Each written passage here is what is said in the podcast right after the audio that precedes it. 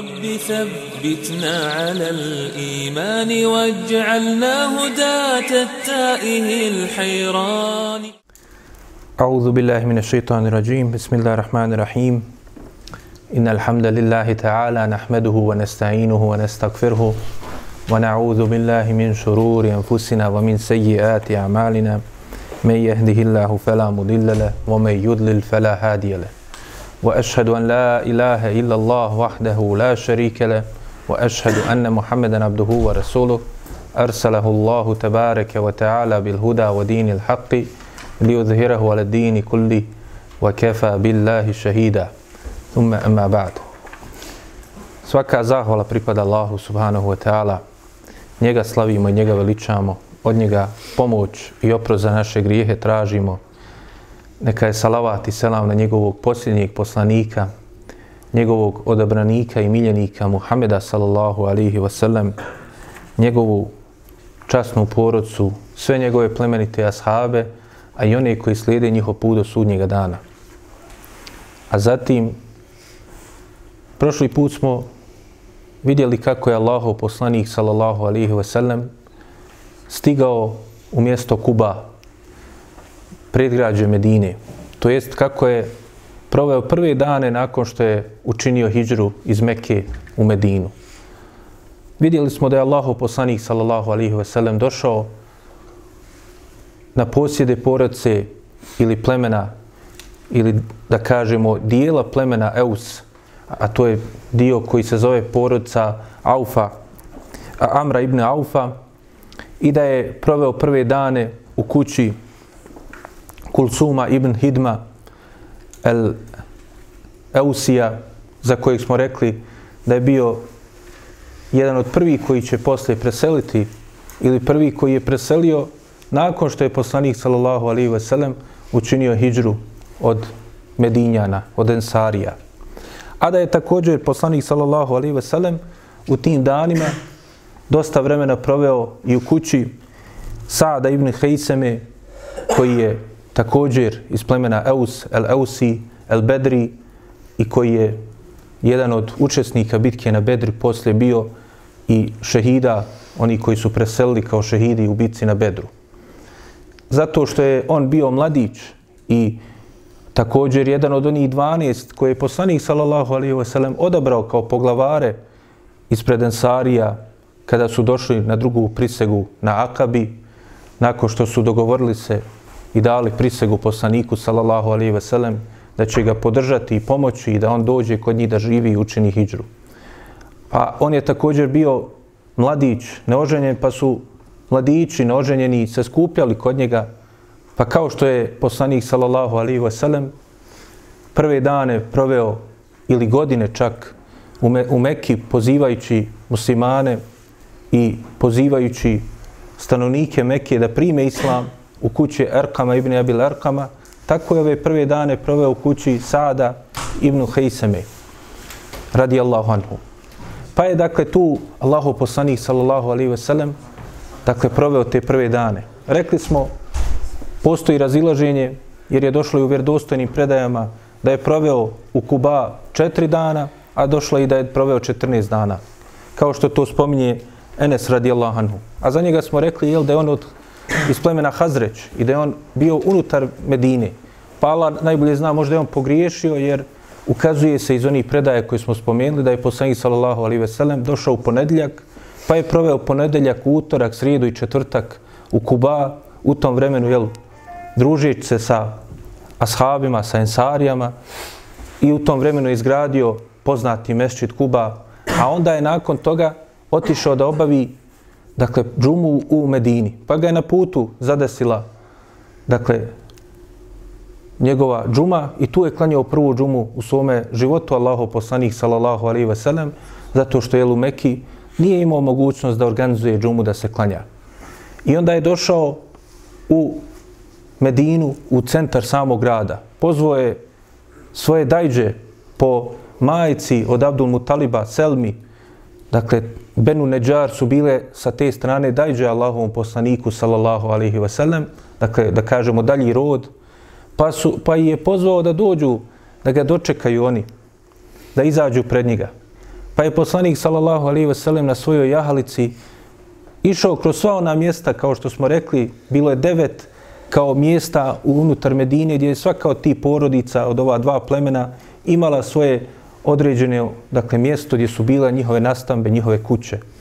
I onda je poslanik sallallahu alejhi ve sellem prolazeći pored svakog od tih mjesta sa tim svojim daljnjim dajđama, ovi su svi željeli da on kod njih odsjedne. No međutim, poslanik sallallahu alejhi ve sellem je govorio da je njegova jahalica naređeno je gdje će da ide i gdje da stane. Pa je govorio da je puste. Sve ovo je došlo u hadisu kod imama Buharije u njegovom sahihu. Hadisu koji je, kao što smo spominjali, dugi hadis koji opisuje dosta događaja vezanih i za samu hijđru i ovaj period nakon dolaska Allahov poslanika sallallahu alaihi ve sellem. Pa je dakle poslanik sallallahu alaihi ve sellem nastavio svoj, sav taj put i kroz prolazak kroz ta mjesta sve dok nije došao do centar samog grada Medine. Dakle, ono gdje je sada njegov meščit, gdje je ukopan Allahov poslanik sallallahu alaihi ve sellem u svojoj kući, dakle, to je sami centar Medine i danas dan. Pa dakle, njegova jahalica je nastavila sve dok nije stala na jednom mjestu. Pa je poslanik sallallahu alejhi ve sellem malo pomjerio i sišao sa njim, a onda se ona ponovo vratila i dakle ta deva je sjela onako kako deve sjedaju baš na to mjesto ponovo gdje je bila prvi put stala.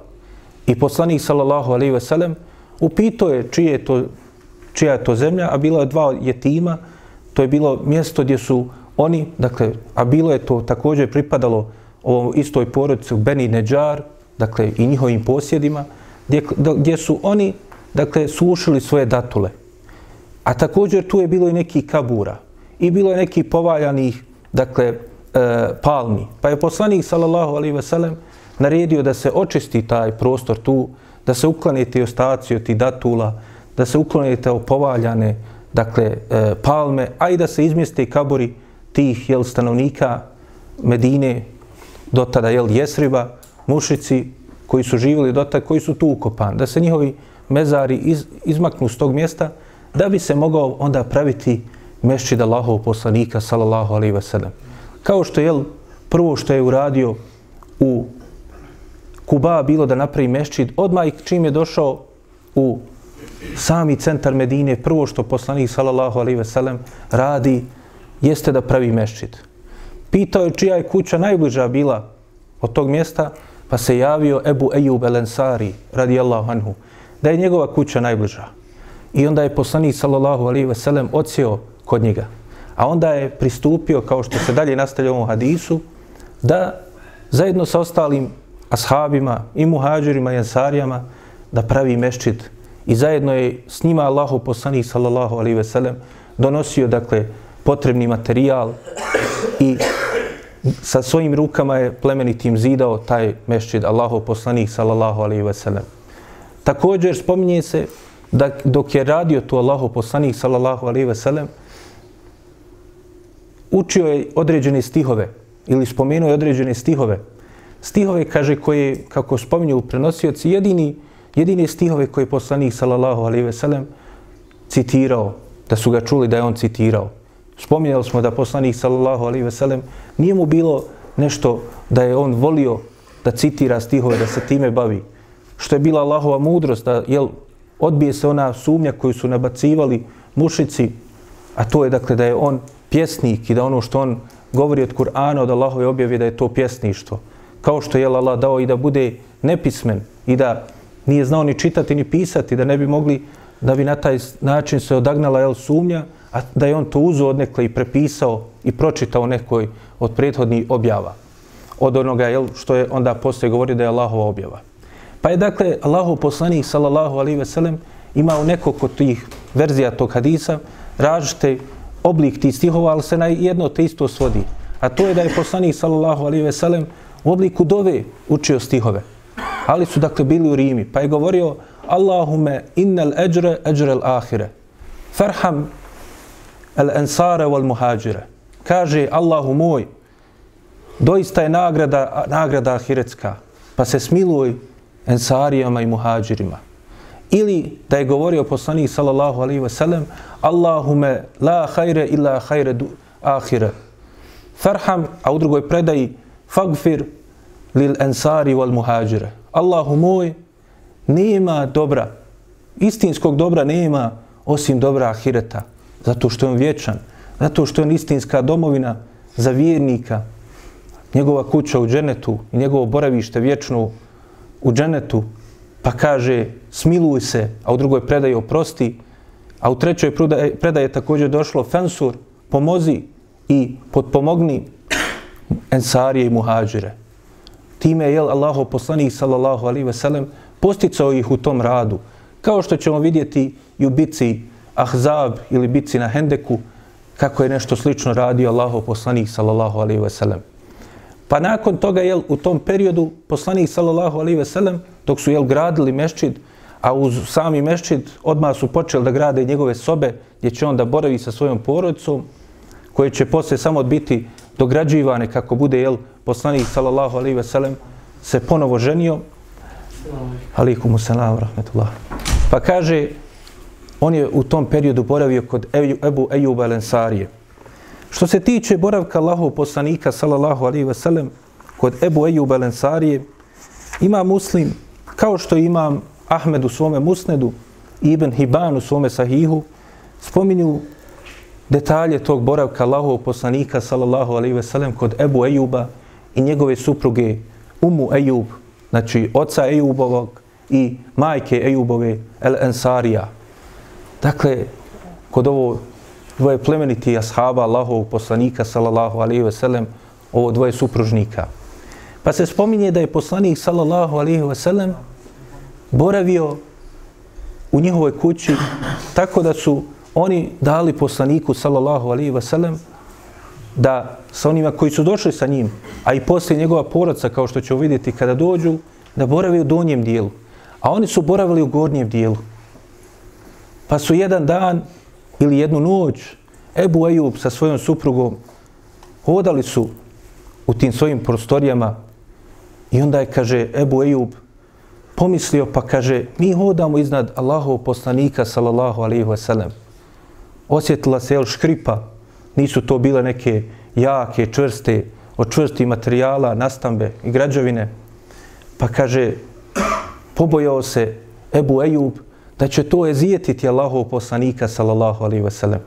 Pa tu noć, kaže, ostali su u čošku, nisu htjeli da se kreću, sve dok nije svanulo i odma je požurio Ebu Ejub da ponudi Allahov poslaniku, sallallahu alaihi wasallam, da sa onima koji su bili sa njim, da prijeđe na gornji sprat.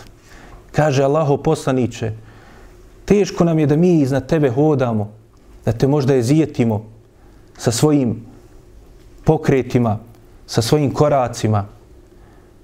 Pa kaže, prijeđi ti gore, Allaho poslaniće, sallallahu alaihi wa sallam. Allaho poslanik, sallallahu alaihi wa sallam, rekao je Ebu Ejubu, kaže, nama je ovde ljepše, bolje i lakše nam je ovde da boravimo. Posebno što je jel, bilo više, pa im je to olakšavalo što su na donjem spratu.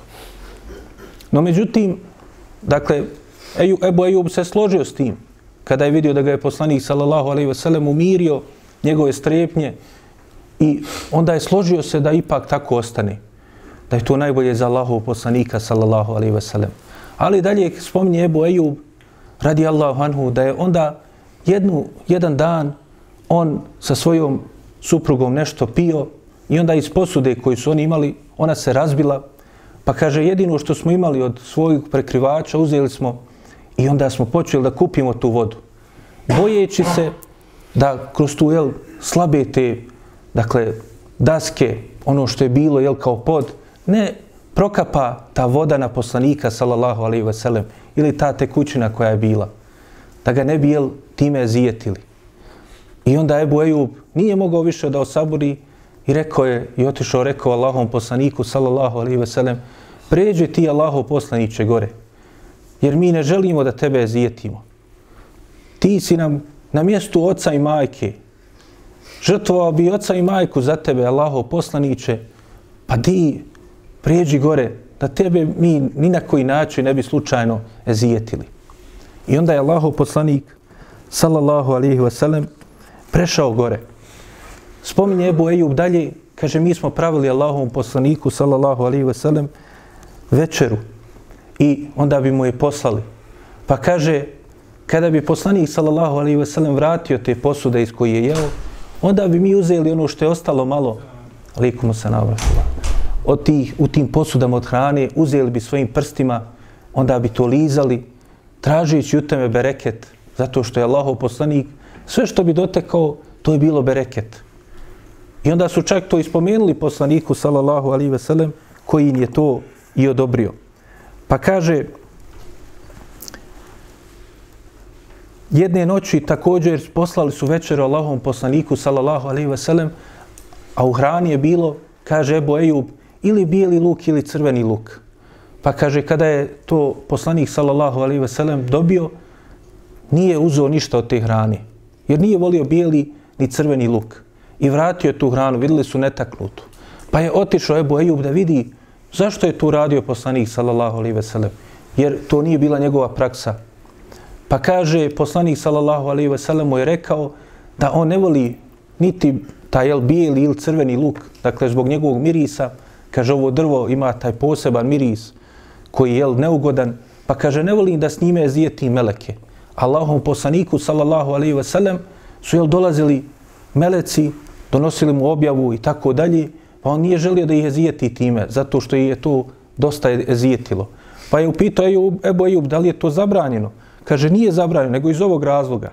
Ali Ebu Ejub iz svoga edeba, odnosa sa poslanikom, sallallahu alaihi veselem, rekao je, ako ti to više ne jedeš, onda nikad nija više neću jesti niti taj jel, bijeli ili crveni luk, ovisno, pošto Ebu Ejub se nije sjećao koje je tačno bilo od, tih, od te dvije, dvije vrste jel, e, dakle, povrća. Dakle, poslaniku, sallallahu alaihi veselem, dalje kaže Ebu Ejub, kaže, dolazili su često Ensarije, pa kaže Ebu Ejub, viđao bi po trojicu četvoricu na vratima, dolazili bi se i natjecali da donesu hranu, potrebštine na poslaniku, sallallahu alaihi ve sellem, i njegovim ukućanima.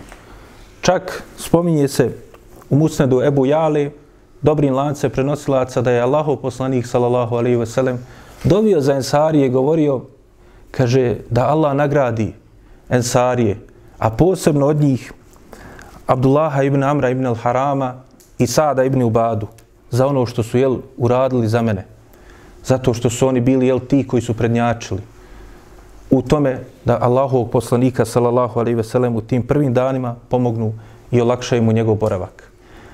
Što se tiče koliko je boravio poslanik sallallahu alejhi ve sellem kod Ebu Ejub Alensarije, spominju istoričari, jedni kažu poput Ibn Hadžara da je boravio mjesec dana, a poznata je predaja kod Ibn Sada u njegovom tabakat, da je boravio sedam mjeseci. Kažu oni koji su jel, stručni u toj oblasti, da je Allah najbolje zna, boravio oko mjesec dana kod Ebu Ejuba. Jer zato što i taj meščit, kao i sve ostale građevine, je bio skromna, skromna građevina i nije trebalo puno vremena da se sagradi. Kao i kuća sama poslanika, sallallahu alaihi ve sellem, koja u stvari predstavljala te sobe Dakle, to su bile skromne nastambe i građevine, tako da nije trebalo puno vremena i dala najbolje zna ispravnije to kao što kaže Hafiz ibn Hajar, da je boravio samo mjesec dana kod Ebu Ejuba i da je odmah, čim je to sagrađeno, da je preselio u tu svoju kuću pored same, pored samog mešćida Allahov poslanika, sallallahu alaihi ve sellem.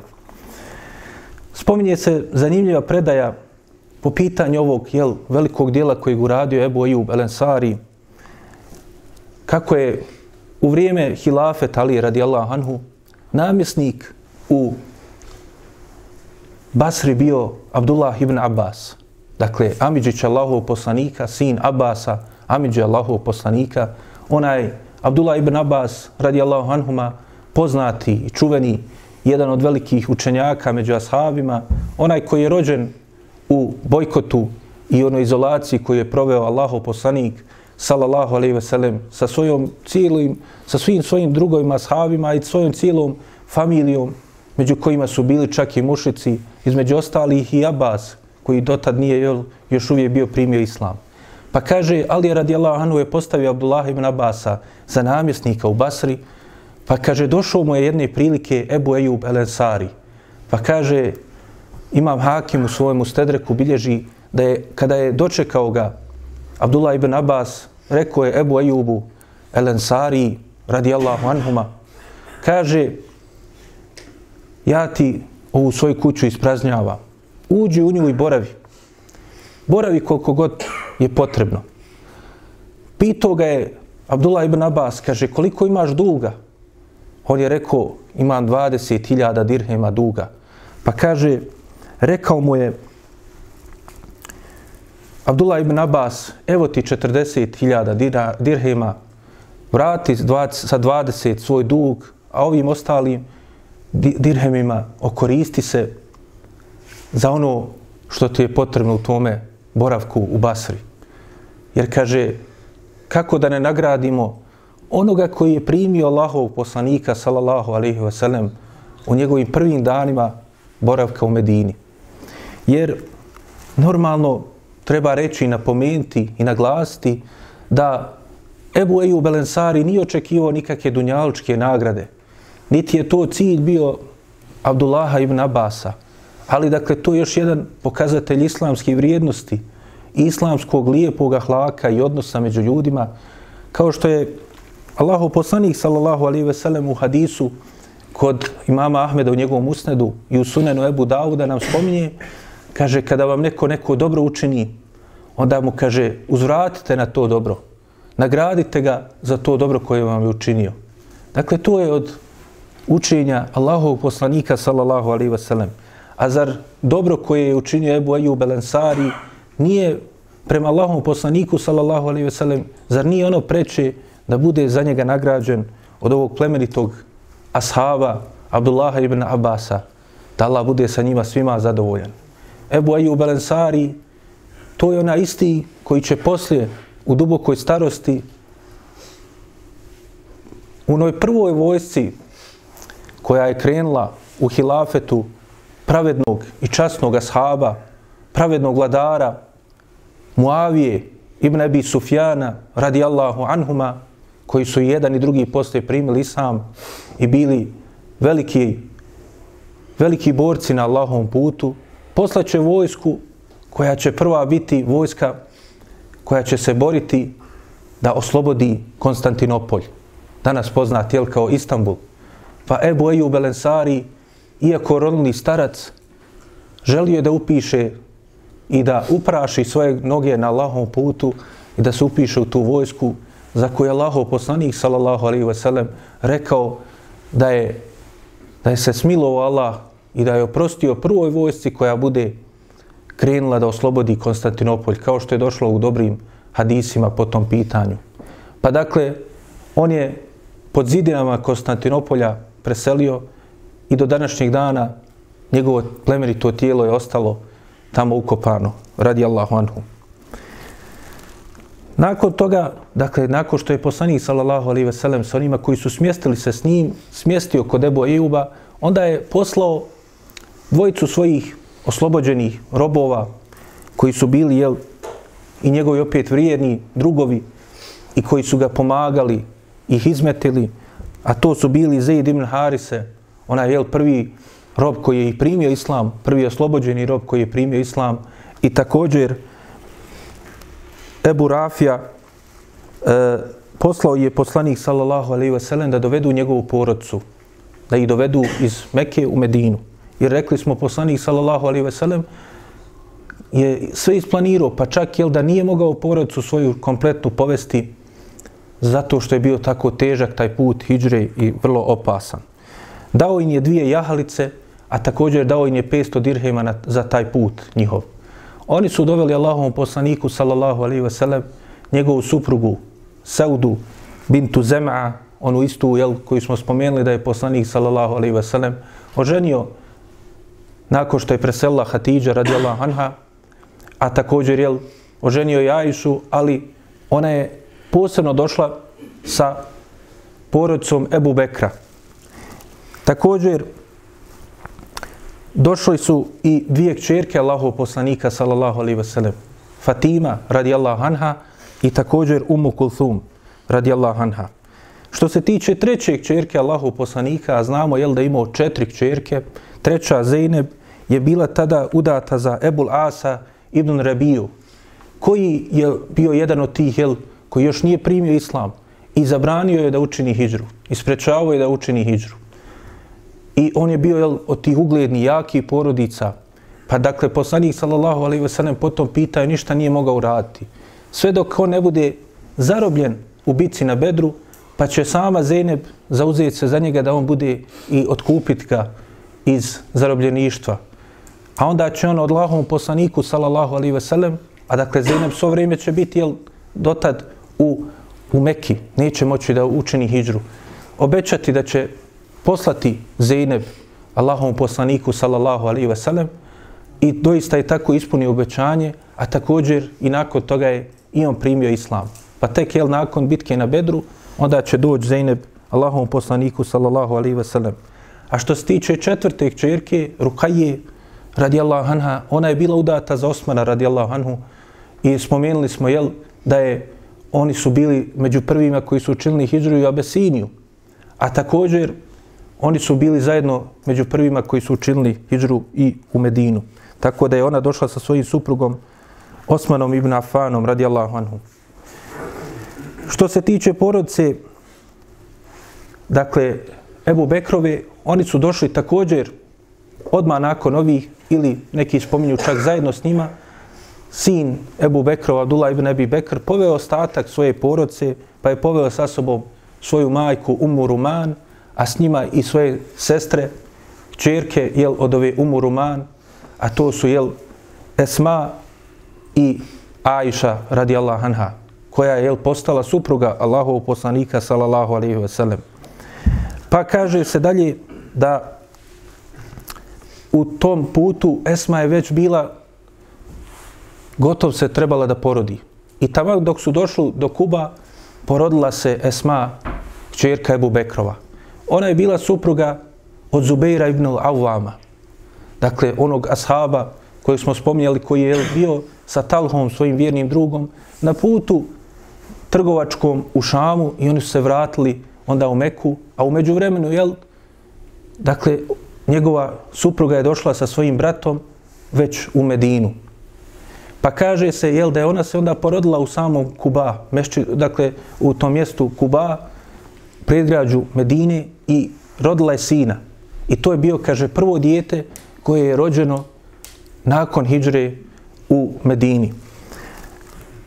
Još veća važnost toga je što je nakon što se rodio ovaj sin, kao što spominje Imam Buharija, dakle, sin Zubeira ibn Lawama i unuk Ebu Bekra radijallahu anhu, Abdullah ibn Zubeir, kaže se da je poslanik sallallahu alaihi ve sellem uzeo, nakon što se porodio ovog, ovaj dječačić, uzeo ga u svoje ruke plemenite Allahov poslanik sallallahu alaihi ve sellem, zatražio da mu donesu jednu datulu, Pa je poslanik sallallahu alaihi ve sellem sažvakao svojim ustima i onda je kaže stavio je u usta Abdullah ibn Zubeira.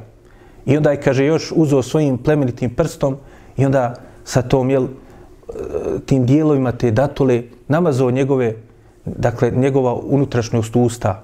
Tako da kaže prvo što je ušlo u usta Abdullah ibn Zubeira bila je pljuvačka Allahov poslanika sallallahu alaihi ve sellem koja je beričetli blagoslovljena, kao i sve ostalo od poslanika, sallallahu alaihi ve sellem, kao što ćemo, jel, inšala, vidjeti da čak da je bio bereket i u njegovu znoju koji nije, nije imao, jel, neugadan miris, nego imao lijep i miris kojim su, jel, koristili, bi znoj njegov, da stavljaju miris, da pojačaju jačinu mirisa određenog sa znojem Allahov poslanika, sallallahu alaihi ve sellem. Pa kaže, onda je poslanik sallallahu alaihi ve sellem dao ime ovom dječaku i rekao on će se zvati Abdullah. I doista je to bio kao što mu je ime dao Allahu poslanik sallallahu alaihi ve sellem bio jedan časni Allahov rob koji će biti poslije jedan od junaka i prvaka među mladićima među mladićima ashaba radi Allahu anhu i jedan od od onih koji su jel se istakli i pred kraj života Allahu poslanika sallallahu alaihi ve sellem kada je već porastao a također i nakon njegove smrti kao jedan od velikih dakle boraca na Allahovom putu i junaka i viteza islama da ga Allah uzvišeni nagradi za ono što je uradio za islam čak u jednom momentu je postao i halifa muslimana nakon što je jel preselio Muavin sin, pa je u jednom momentu Abdullah ibn Zubair bio taj, kao što kažu učenjaci, koji je postao halifa i emirul mu'minin, vladar svih muslimana i pravovjernih. Dakle, na taj način je poslanik sallallahu alaihi ve sellem je odlikovao mladića i na kraju uputio i za njega dovu kao što je došlo dalje u tom hadisu kod Buharije i rekao da mu se da ga Allah uzvišeni i blagoslovi. Barek Allahu fihi i barek Allahu fike. Tako da je doista bio blagoslovljen. A što je još važnije bilo i što je bio uzrok da se još više raduju stanovnici Medine rođenjem ovog dječaka jeste što su jevreji govorili nakon što je, su vidjeli da je došao poslanik od Arapa, nakon što su vidjeli da je doista to Allahov poslanik, poslan od Allaha, Muhammed sallallahu alaihi ve sellem, govorili su da su bacili klijetvu, da su prokleli Muhameda sallallahu alaihi ve sellem i njegove ashabe i stanovnike Medine zato što su ga prihvatili da im se neće roditi ni jedan više dječak, da neće dobiti više muškog poroda. I odma Allah daje, jel, odgovara im, pa daje da se, jel, taj prvi dječak koji se rađa, već u prvim tim danima biva, biva, jel, dječak. Dakle, Abdullah ibn Zubair. Spomnju istoričari da, što se tiče ko je bio prvi koji je rođen od Ensarija, da je također ubrzo nakon toga rodio se ashab Nu'man ibn Bešir, koji je bio prvi Ensarija koji se rodio nakon hijri Allahov poslanika sallallahu alaihi wasallam. Dakle, na taj način je Allahov poslanik sallallahu alaihi wasallam je odlikovan između ostalog i ovim događajem sa još jednim jel, ajetom od Allaha, još jednim jasnim znakom, mu'đizom od Allaha subhanahu wa ta'ala. Allahov poslanik nakon što je došao sallallahu alaihi wa sallam upitao je šta je sa nakon što ga nije vidio među onima koji su ga dočekali, oni koji su dolazili, sa kojima se družio tim danima, pitao je gdje je Elbera ibn Ma'rur. To je onaj prvi jel koji je dao prisegu Allahom poslaniku, sallallahu alaihi ve sellem, na drugoj prisegi na Akabi. Prvi jel koji se obavezao da će primiti poslanika, sallallahu alaihi ve sellem.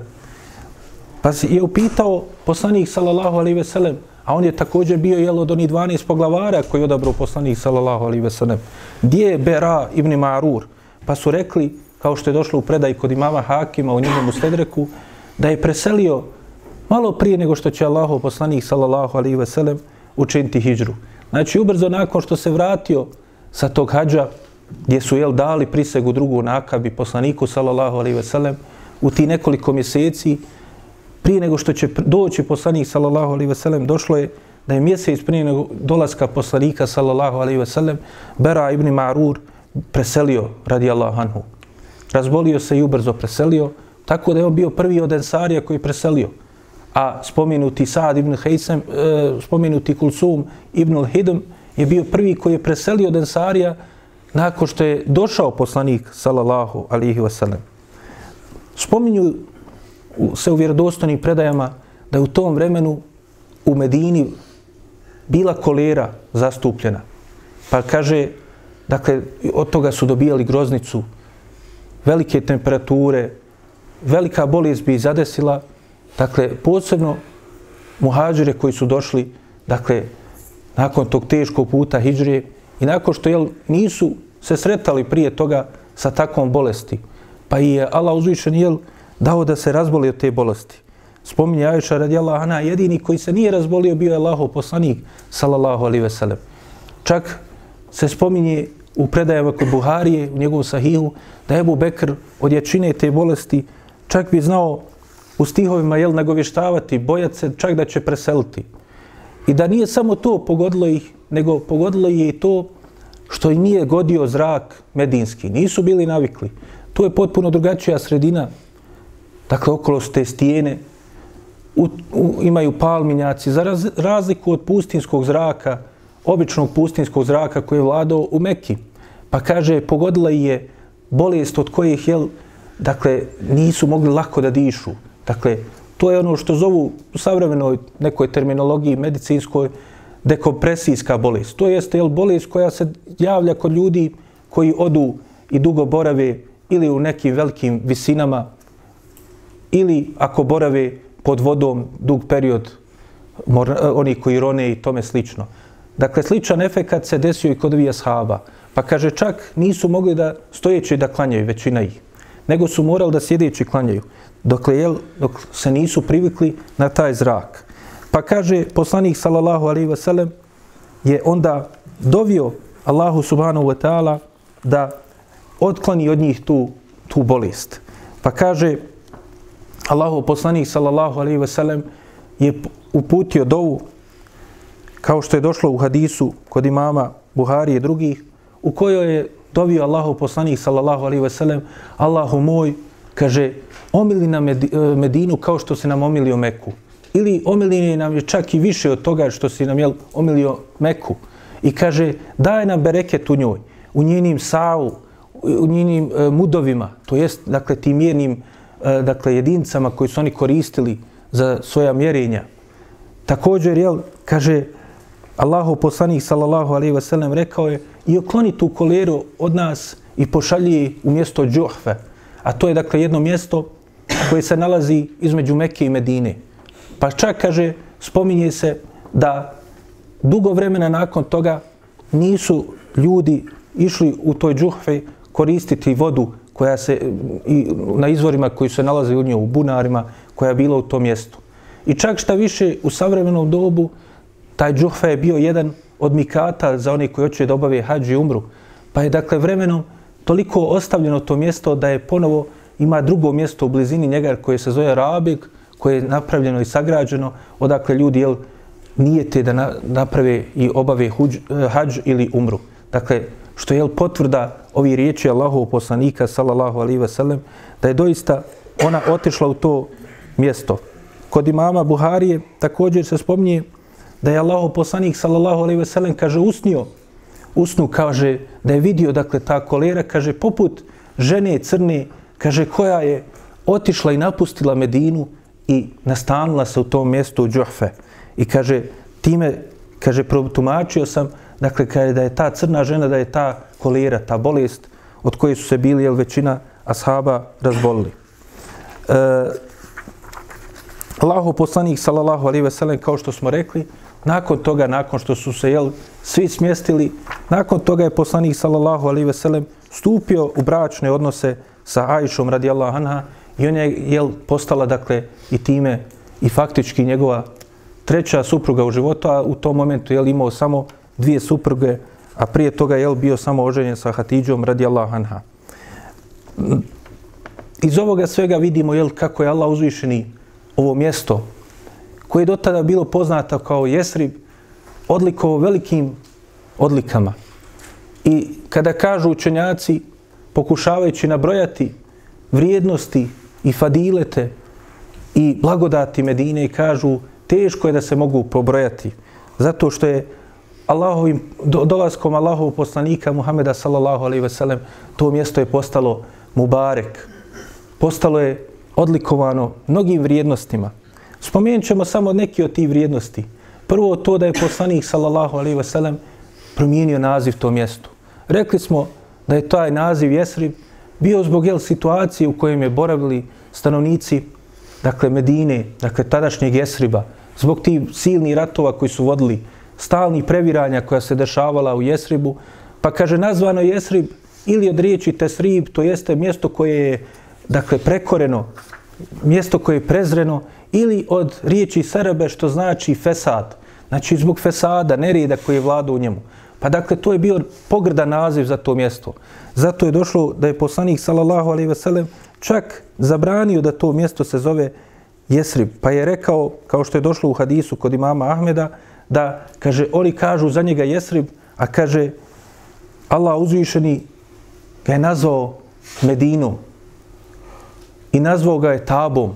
Pa kaže poslanik sallallahu alejhi ve sellem, kaže ko nazove ovo mjesto Jesribom, neka traži oprost od Allaha, jer kaže ono je tabe, ono je tabe. Riječ tabe i u drugim predajama također kod Buhari je došlo i kod muslima i drugih došlo je da se da je također zvao Medinu Tajbe. I tabe i tajbe znači od istog je korina. Dakle, to je nešto ugodno, divno, lijepo, prijatno. Pa kaže i Hafiz ibn Hajar, kao i što spominje to imam nevavi, dakle, spominju ova dva velika imama, kaže, to je zato što je ona bila ugodna, ugodna i za svoj boravak, ugodana je imala i zrak, ugodano, dakle, i njena, njeno tlo je bilo ugodno i plodno, a također, jel, najviše zbog toga što je ona postala divna i ugodna, zato što je u njoj Allahov poslanik, sallallahu alaihi wasallam. Također, je poslanik, sallallahu alaihi wasallam, spominje u hadisu kod Buhari i muslima koji je došao da kaže, naređeno mi je da učinim hijđru u mjesto koje će, kaže, da jede druga mjesta, da ih, jel, ono postane nadređeno tim svim ostalim mjestima. Kaže, kažu za njega jesri. Spominju neki od tumača hadisa, to jest, kaže, govore to munafici. Zato što munafici, njima i dalje, i nakon dolaska poslanika, sallallahu alaihi ve sellem, dakle, Medina ostala jesrib. I to je bio, jel, njihov vid da se, da ukažu da nisu zadovoljni sa poslanikom, sallallahu alaihi ve sellem. To jeste, želili su da istaknu šta im se sada, jel, dešava. Kao ono prije što su bili, to je bilo dobro ti ratovi, ti sukovi, ta previranja, taj fesad, ali dolaskom poslanika, sallallahu alaihi ve sellem, zamjerili se ostalim Arapima. Pa su ih oni grdili, pa su ih oni, jel, prezreli. Pa je, dakle, oni su smatrali da i dalje Medina zaslužuje naziv Jesrib. Ali poslanik, sallallahu alaihi ve sellem, kaže, ona je Medina. To jest, Medina znači bukvalno grad. To jeste, pravi naziv je Medine tu Resul ili Medine Nebavije. Poslanikov grad, vjerovjesnikov grad, ali je jel, kao skraćeno ostalo poznata kao El Medina, znači poznata, određena Medina, određeni grad, pravi istinski grad, zato što je u njemu poslanik sallallahu alaihi veselem. I kao što dalje u ovom hadisu kaže, zato što kaže on od sebe odagnava to zlo, loše ljude, pokvarene ljude, kao što kaže mlijeh od onog kovača, od, sa željeza skida nečistoću i prljaštine i jalovinu, Pa tako jel, i Medina od sebe odagnava, i to je jedna od tih vrijednosti Medine, što odagnava od sebe te sve negativnosti.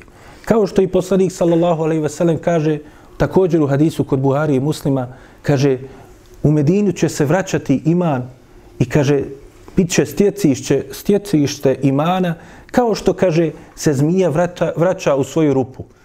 Hafiz ibn Hajar pojašnjavajući značenje ovih riječi poslanika sallallahu alaihi ve sellem, kaže, To je kao, kaže, što poslanik sallallahu alaihi ve sellem ovde navodi kao primjer tu zmiju. Pa zmija, kaže, izađe iz svoje rupe, traži hranu, da zadovolji svoje jel, fizičke potrebe, dakle, fiziološke i tako dalje. Pa kaže, kada osjeti opasnost, onda se ona povlači u rupu. Tako iman. I u vremenu poslanika, sallallahu alejhi ve sellem, i u vremenima koji su nastupili i do sudnjeg dana iman će se povlačiti sve do onog zadnjeg jel, vremena kada će se pojaviti deđal, A jedna od vrijednosti Medine je da Deđal neće moći ući u nju, kao što je od vrijednosti Medine da u nju neće moći ući također nikuga, a Allah uzvišeni će jel, također od preznaka sudnjeg dana da će biti tri potresa, nakon čega će jel, svi munafici i nevjernici koji se zadese tada u Medini izaći iz nje. Također kod imama muslima je došlo da je poslanik sallallahu alaihi ve sellem rekao onaj kaže koji bude želio Medini zlo Allah će ga kaže istopiti kao što se kaže so topi u vodi. Da će Allah će sačuvati Medinu i njene stanovnike i to je velika počast za ovo mjesto.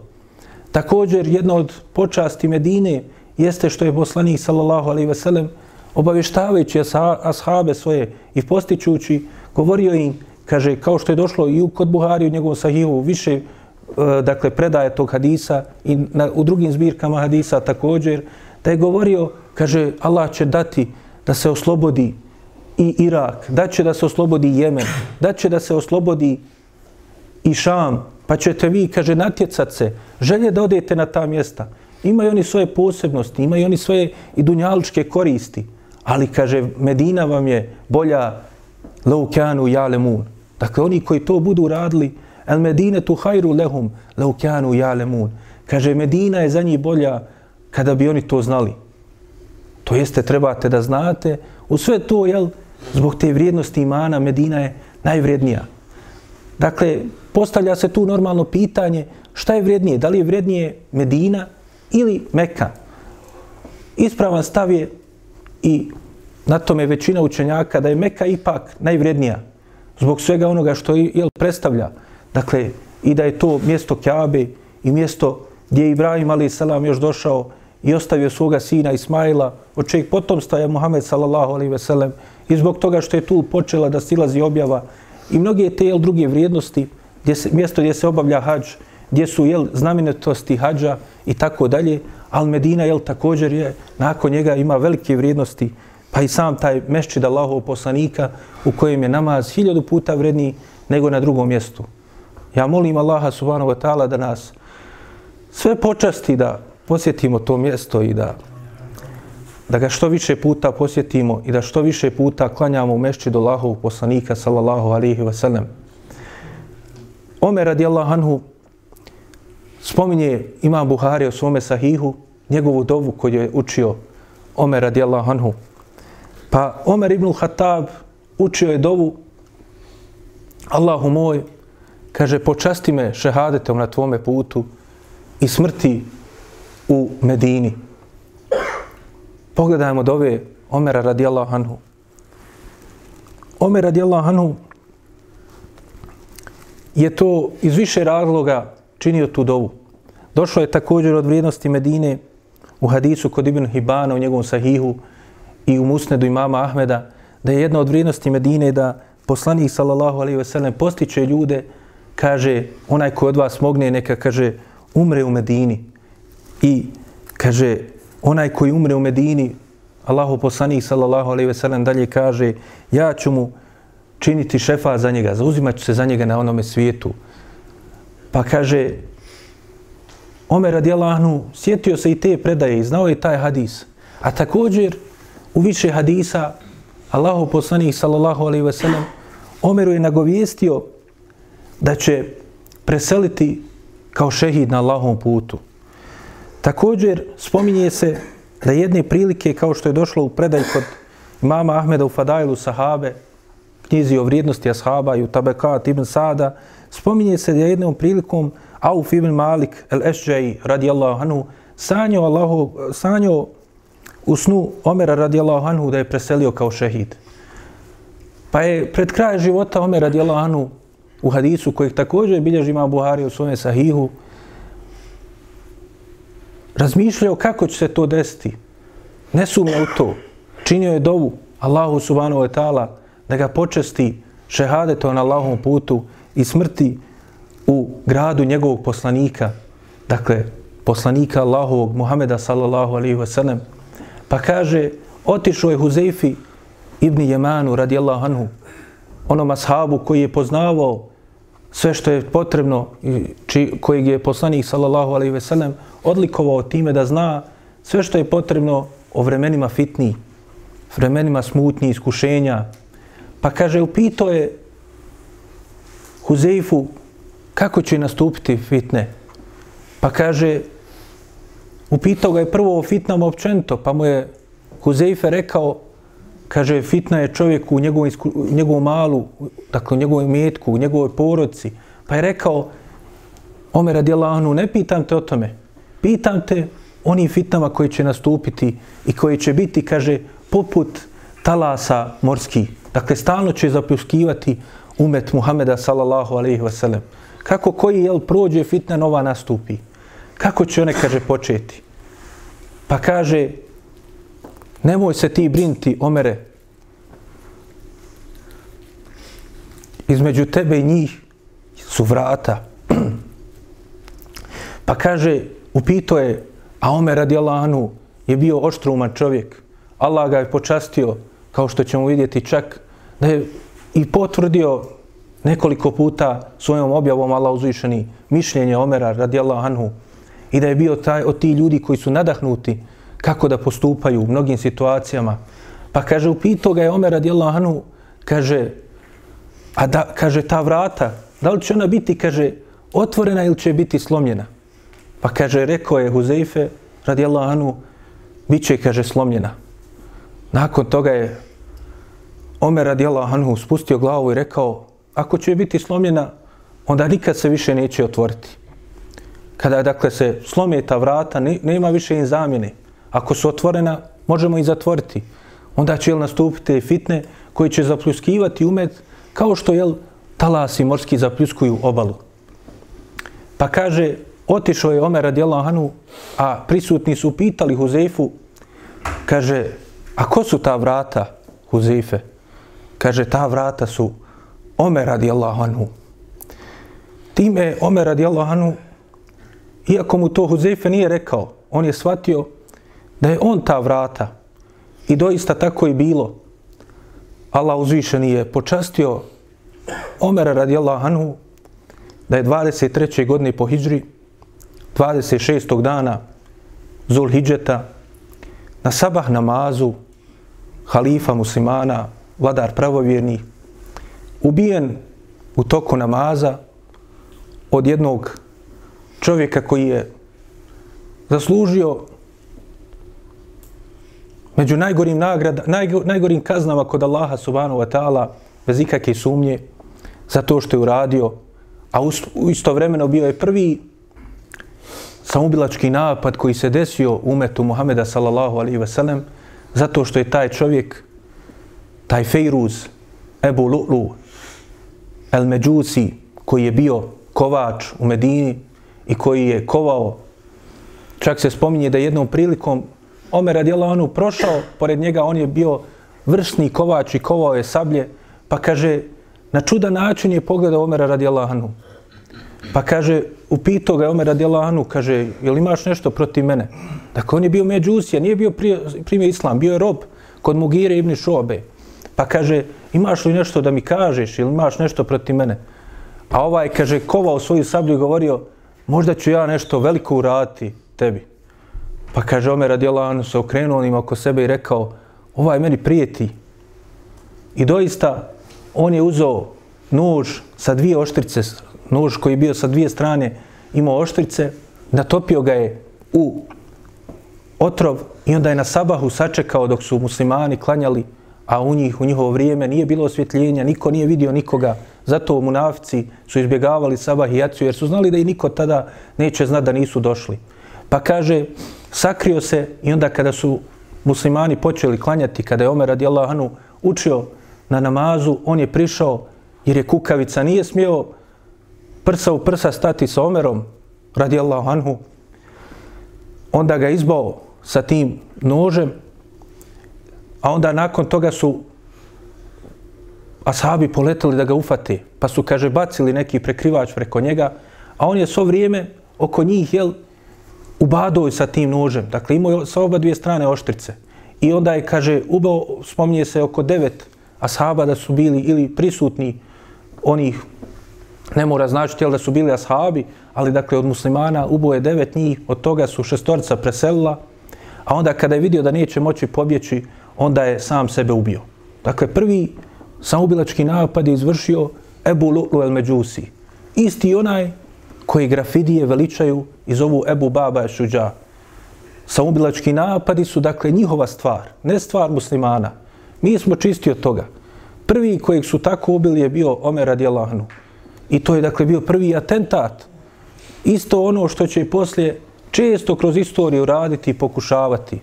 Kao što su, jel, Batinije pokušale da ubiju Salahudina i Ubija, Hašašijun, koji su, jel, od toga je poslije nastala poznata riječ Asasijun, od toga, jel, za sad, zato se koristi za atentat, riječ atentat, vodi korijen, jel, iz te riječi iz arapskog za onih hašišare, kojeg su, jel, ti batinije su davali određenu grupi ubica koje su oni davali im droge, drogirali ih da bi s njima mogli lakše upravljati i manipulisati, da onda oni odu i ubijaju učenjake, islamske, islamske vladare, islamske velikane. Spominje se da su poznatog istoričara Ebu Šamu ubili u Damasku tako što je jedan došao kao da traži fetvu. Pa kaže, želim da ti priđem da te nešto upitam. Pa kada je prišao, onda izvuko svoju sablju izbo ovog velikog učenjaka zato što je bio islamski učenjak. Dakle, to je, to je bila njihova praksa. Ali, dakle, iz ovoga vidimo i spomenuli smo ovoga zbog toga što da vidimo jel, koliko je velika vrijednost boravka u Medini i da je poslanik sallallahu alaihi ve sellem i postakao ko može da ode da i preseli tamo da je to velika počast. Kao što je i bilo je takih slučajeva naših hađija koji Allah uzvišen i počastio da samo što su zakoračili u Medinu Allah uzvišeni bi uzeo život i da budu ukopani u Behijetul Garkat, isto ono mezari gdje su ukopani neki od ashaba.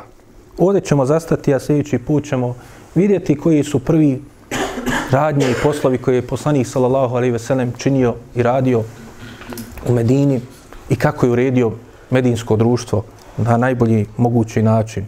Molim Allaha subhanahu wa ta'ala da nam poveća ljubav prema Allahovom poslaniku sallallahu alaihi veselem. Molim ga subhanahu wa ta'ala da, da nas učini od onih koji slijede njegov sunet, koji se ugledaju na njega i koji se drže puta njegovih drugova, ashaba. Molim ga subhanahu wa ta'ala svi njegovim lijepim imenima i uzvišenim svojstvima da pomogne muslimane na svakom mjestu, posebno one koji su od njih potlačeni i u nevoljama i u nedaćama, a on je to kadar da učini. Molim ga subhanahu wa ta'ala da uputi nas i naš narod i da nas sačuva od svakog zla. Amin. Subhanak Allahumma wa bihamdike. Ašhadu an la ilaha illa anta astaghfiruka wa atubu ilaik. يا رب ثبتنا على الإيمان واجعلنا هداة التائه الحيران